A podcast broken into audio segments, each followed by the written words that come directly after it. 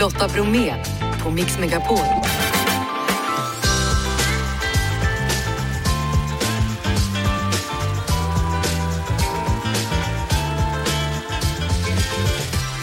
Hallå där och varmt välkommen in till oss. Denna dag, förutom bra musik, så innehåller vår tisdagsmix Hampus Nessvold från TVs Trevlig helg.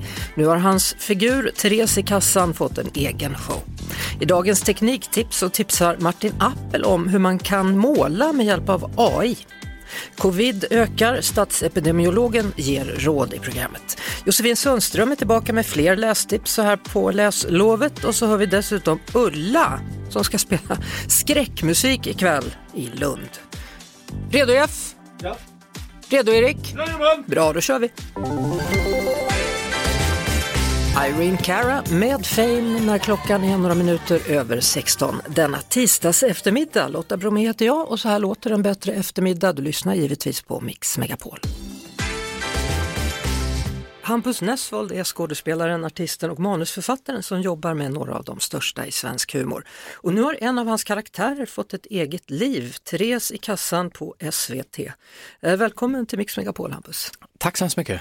Hur känns det att Therese kassan nu får sitta där och stå på egna ben? Jättekul och läskigt. Det är en karaktär som jag har gjort ganska mycket och i sketchserien Trevlig helg på SVT. Det gör ju att folk har sett henne och vissa hatar henne, men det är många som tycker om henne och det skapar en förväntan som är lite läskig, för det har jag inte upplevt innan. Hur känner Therese kassan för att stå på egna ben? Eh, hon njuter. Hon tar för sig, herregud, ge mig allt ni har, tänker hon tror jag. Vad är hon för typ egentligen? Väldigt gränslös, ärlig säger hon nog själv, direkt otrevlig säger nog andra. Men hon är också en väldigt ensam person.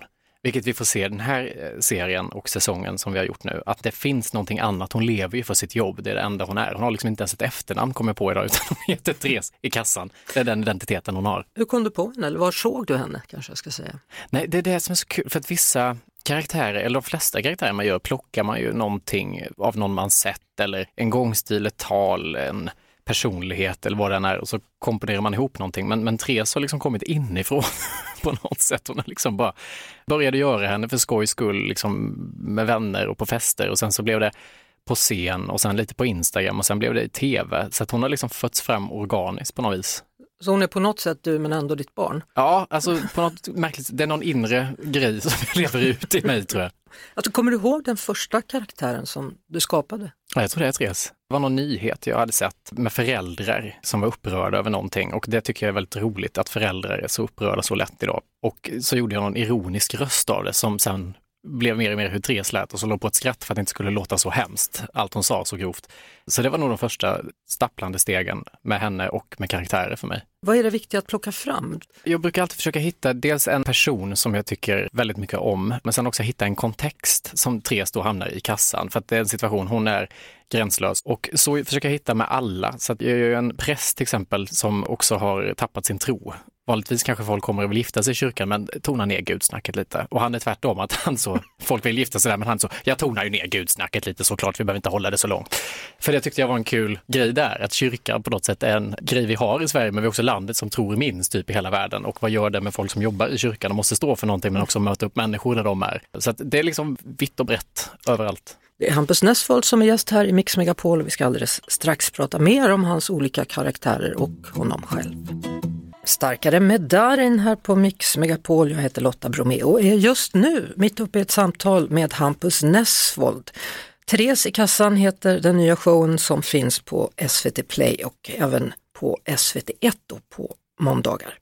Eh, Ta det som en man hette en bok som Hampus gav ut och den kom sig av att han var en ganska stökig typ när han gick i skolan. Den här typiska störiga killen i skolan som eh, inte gillade skolan så mycket. Det var inte riktigt min plats att lära sig sitta vid skrivbord och läsa och lyssna och presentera. Som killar i den åldern ofta är, hård jargong, hårt i omklädningsrummet, hårt i klassrummet, störig, liksom kasta suddgum och inte fokusera, inte låta någon annan fokusera, utan mer bidrog till en jävligt stökig stämning tror jag som man i efterhand har känt, undrar vad det där klimatet gjorde med både en själv och andra. Ja, du gjorde ju upp med delar av det i alla fall då i Ta det som en man, Ja, som exakt. också blev en föreställning. Mm. För jag vet att det där är väldigt vanligt och jag har aldrig hört en kille som pratar om det som har varit den killen. Så det var nog så det där föddes, att jag ville ge en inblick i det. För det var inte så att jag inte var medveten om mitt beteende, utan jag visste ju precis vad jag höll på med och trodde att det var så jag var tvungen att vara för att passa normen som kille. Ja, men jag hade velat höra en sån röst när jag var i tonåren.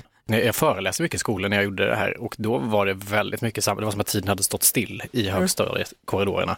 Men är det så svartvitt? Det är jätteknepigt. Och framförallt när man kommer från då, som jag gör, en liten stad, där räckte det ju i princip att vara intresserad av ett estetiskt intresse. Så var det ju liksom bög eller att du spelar fotboll och då tog man för givet att det var så här. Och det där, jag fattar inte riktigt var det kommer ifrån, att det inte riktigt bryts upp heller. Jag vet inte vad man är så rädd för, eller att bög måste uttryckas som något dåligt. Det känns som att det där måste luckras upp i takt med min generation andra generationer efter som är mer öppna och ja, Hur mycket jobbar du? Jobbar du fortfarande för mycket? Oh, gör man inte alltid det? Jag vet inte. Det är någon sådär period nu där jag blir så här, det här är alltså livet jag har valt på något vis. Man, man har sagt länge, ja det är mycket just nu, det är mycket just nu och sen fattar man efter ett tag, men gud det är så här mitt liv ser ut, det är inte en period.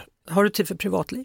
Ja, men det är ju som sagt, det är mycket som stryker med och då kan man känna ibland att det eh, kostar mer än det smakar att jobba så här mycket. Eh, Även om det är väldigt, väldigt roliga saker man gör och att jag älskar mitt jobb och brinner för det så vill man ändå göra tid för det där andra också för att utan det så blir jobbet inte heller så jävla kul. Det är alltså Hampus Nessvold som är gäst här i Mix Megapol. Och strax ska vi prata om nya showen då som han har ihop med Mia Skäringer. Queen med Radio Gaga och du lyssnar på Mix Megapol. Och gäst i detta nu det är Hampus Nessvold, skådespelare, som nu i november ger sig ut på en turné tillsammans med Mia Skäringer. Just idag mår vi bra, heter turnén.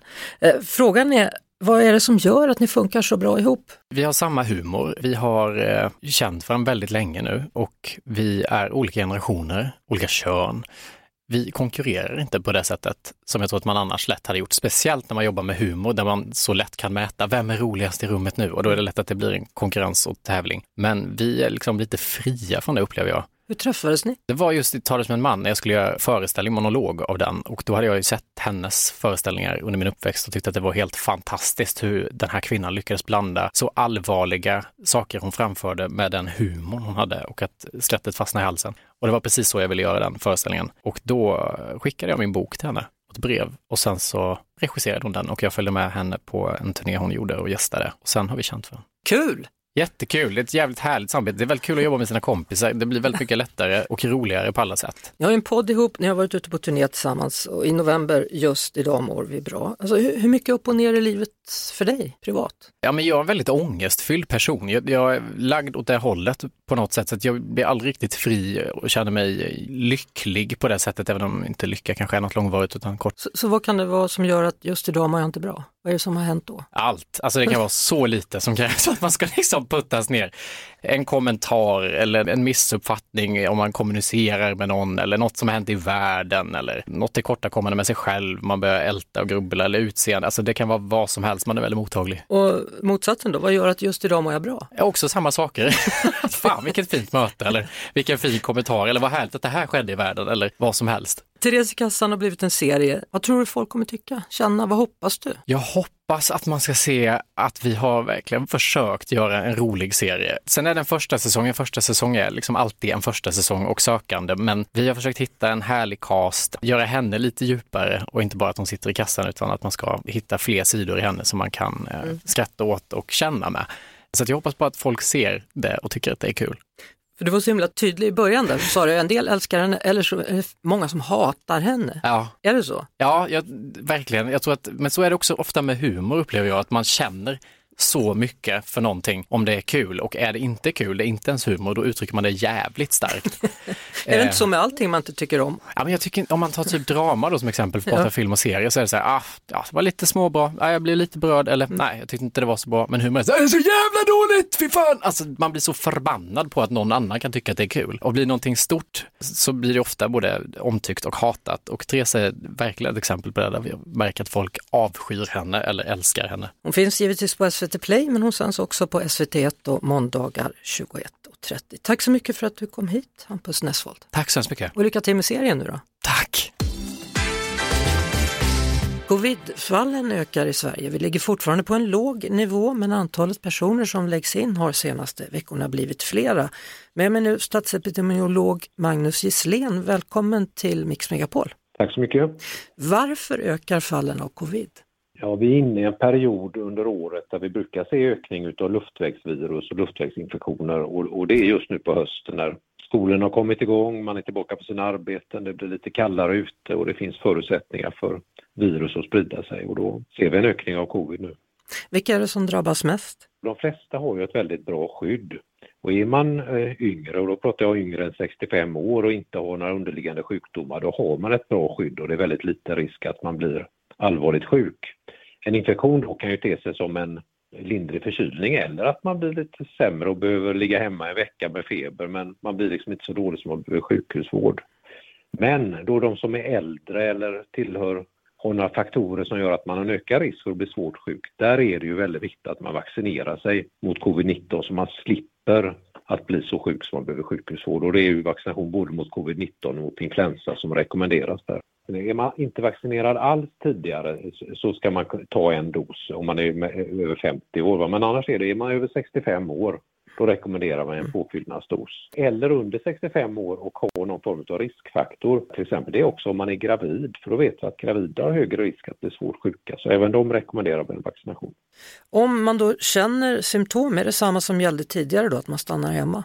Absolut är det det och då gäller det ju symptom att man liksom blir ordentligt förkyld eller får feber eller så, då ska man ju stanna hemma första dagarna. Däremot i början på pandemin var vi ju väldigt noga med att bara man liksom kände det minsta lilla att man skulle vara hemma, men så, så är det inte riktigt längre utan så känner man att det är lite snorigt eller att man är lite, lite kliigt i halsen så behöver man inte vara hemma utan då kan man gå till jobb.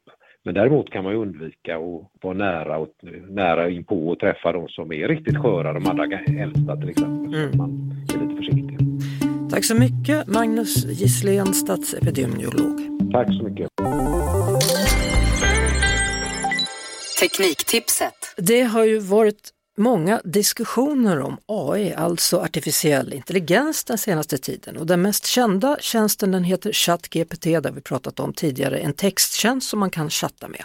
Idag ska vi prata om något helt annat, vi ska prata om AI-tjänster som skapar bilder. Martin Appel, PC för allas konsumentredaktör, Jaha, nu kan AI skapa bilder också? AI kan skapa bilder, AI kan skapa det mesta faktiskt, men bilder är väl en av de saker som jag tycker är absolut roligaste med de här tjänsterna. Det finns till exempel en tjänst som heter DAL E2 som kommer från samma företag som ligger bakom ChatGPT. Det är en tjänst som är gratis och som alla kan använda och som är ganska enkel. Du väljer ett textkommando, till exempel då en katt som spelar schack. Precis, du väljer det här kommandot och sen skapar AI-tjänsten fyra, fem olika varianter av en bild. Du väljer den du tycker är bäst och sen kan du jobba vidare med den. Du kan ge den mer instruktioner, du kanske vill att den ska se ut på ett annat sätt, ha en annan bakgrund. Så du gör allt det här genom att ge den textkommandon, ungefär som du hade en fotograf eller en illustratör framför dig. Och just illustratör då, vill man att bilden ska se ut som att den är ritad av Salvador Dalí, då kan man få det? Det är helt möjligt. Eller att det ska se ut som ett fotografi eller som en svartvit pennteckning. Kan man använda då bilderna i vilket sammanhang som helst eller? Det kan man faktiskt, för det finns ingen upphovsrätt än så länge när det gäller saker som maskiner har skapat. Det är bara vi människor som har upphovsrätt. Finns det andra tjänster än de vi har pratat om nu? Det som har hänt nu senast det är att Adobe har gett sig in på den här marknaden. Adobe som ligger bakom programmet Photoshop som är det mest använda bildredigeringsprogrammet. De har två tjänster, en som heter Firefly och en som heter Photoshop Express. Med de här tjänsterna kan du också skapa bilder och än så länge är det här gratis men på sikt är det ju så tror väl jag att vi kan vara ganska säkra på att vi kommer få betala för att använda det här. Mm. För än så länge så är det tidiga testversioner vilket gör att om vi använder dem får de hjälp i sin utveckling. Det är ju tanken som de har. Tack så mycket Martin Appel, PC för allas konsumentredaktör. Hörni, jag har målat lite, eller snarare AI har hjälpt mig måla under tiden som vi lyssnade på musiken här. Eh, har du möjlighet att gå in på Mix Megapols Instagram stories, då kan ni se, där har jag målat då, jag och Lotta Bromé, en halloween-tavla med hjälp av AI. Tycker gärna till sig vad ni tycker. Jag tycker den blir ganska fin ja.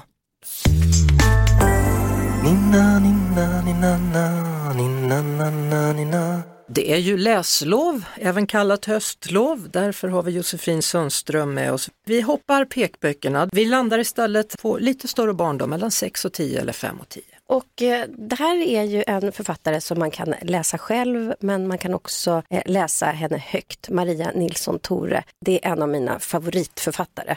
Hon är ju både skribent och eh, illustratör. Det är så roligt med hennes författarskap att ibland så skriver hon om stora saker och ibland, som i DIM-serien, då skriver hon om det som är så litet så att det knappt syns. Hur mår DIM? Väldigt mycket små djur här som man kan. Det är mycket små djur och vill man ha lugn och ro i skogen, kan man få det då? Nej men alltså det surras och har sig i skogen också. Det får man reda på i den här ljuvliga bilderboken. Men den där boken den är också spännande för att den just skildrar en värld som är kul för ett barn i den åldern att gå in i. Mm. För man kan ju också gå ut sen då när man läst den här boken och kolla i skogen. Hittar vi alla de här djuren? Precis, och man kan också bli lite kreativ. Kan man göra en stege av tändstickor? Ja, det kan man visar det sig. Mm. Perfekt. Då ska vi ta tag i boken som är för 10 till 15-åringar men som även gymnasieelever kan läsa. Nej men det här är ju en bok som har blivit sånt där fenomen. BookTok, en stor hit, Colleen Hoover. Bokförlagen världen över både förundras och beundrar denna författare som har nått till den här svåra målgruppen som hellre glor ner i sina mobiler än att läser. Men här, vet du, här har de köat för att få tag i Det slutar med oss. Vad har personen gjort på TikTok då? ja, nej, men det är boken som faktiskt har förts fram där av läsare. Och eh, Colleen Hoover har också varit duktig på att eh, fånga upp det här fenomenet. Det är en välskriven kärlekshistoria som börjar med en ung flicka som skriver brev till programledaren Ellen, Ellen DeGeneres, du vet. Hon sitter och skriver små dagboksanteckningar och det är kära Ellen hit och det är kära Ellen dit. Och så blandas de här breven med klipp till när hon är stor och förälskad och i ett stormande härligt, eh, vad ska man säga, lovande, en härlig lovande relation. Den rekommenderar du? Alltså, det var min dotter, Maj-Lis, 14 år, som rekommenderade mig att läsa den här. Jag tänkte, ja, ja, ja, ja. Jag kunde inte lägga den ifrån mig. Fantastisk. Ja. Ska vi ta den igen då? Författarinnan heter? Det slutar med oss, Colleen Hoover. Josefin Sundström återkommer med fler boktips här på Mix Megapol. Tack för den här gången. Tack, tack. Ulla Olsson, organist med oss nu som ska ha skräckmusik i kyrkan. Du, Ulla, välkommen till Mix Megapol. Tack så hemskt mycket. Ulla, det känns som att det kommer låta superläskigt här. Ja, det får jag hoppas. Det är alltså en orgelkonsert på halloween-tema. Kommer du ha dekorerat kyrkan dessutom? Eh, ja, lite spindelnät, eh, någon pumpa, de här typiska halloween-grejerna. Kanske någon eh, konstgjord spindel, typ så. Hur, hur väljer du vilken musik du ska spela till halloween? Jag väljer eh, musik efter vad jag själv tycker om, givetvis. Så att det är ju lite klassiskt och lite modern filmmusik som till exempel eh, A Nightmare Before Christmas, Hajen, eh, Harry Potter och sen så lite klassisk musik också faktiskt. För att det är ju klassisk musik som är väldigt filmisk utav sig och mm. som är väldigt stämningsfull. Du, den här orgeln du ska spela på, den är tydligen lite ja. speciell va? Det är ju den modernaste orgeln i Europa. Alltså den består egentligen av flera olika orglar. Känns som man borde vara här och se den här konserten, eller höra framförallt. Ja, det skulle du ju vara, ja. tycker jag. Eh, har vi något smakprov hur det kan komma att låta nu under halloween? Det har vi.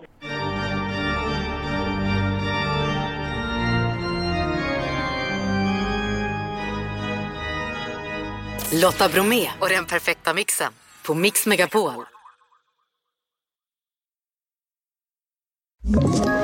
Ett poddtips från Podplay. I fallen jag aldrig glömmer djupdyker Hasse Aro i arbetet bakom några av Sveriges mest uppseendeväckande brottsutredningar. Går vi in med hemlig telefonavlyssning och, och då upplever vi att vi får en total förändring av hans beteende. Vad är det som händer nu? Vem är det som läcker?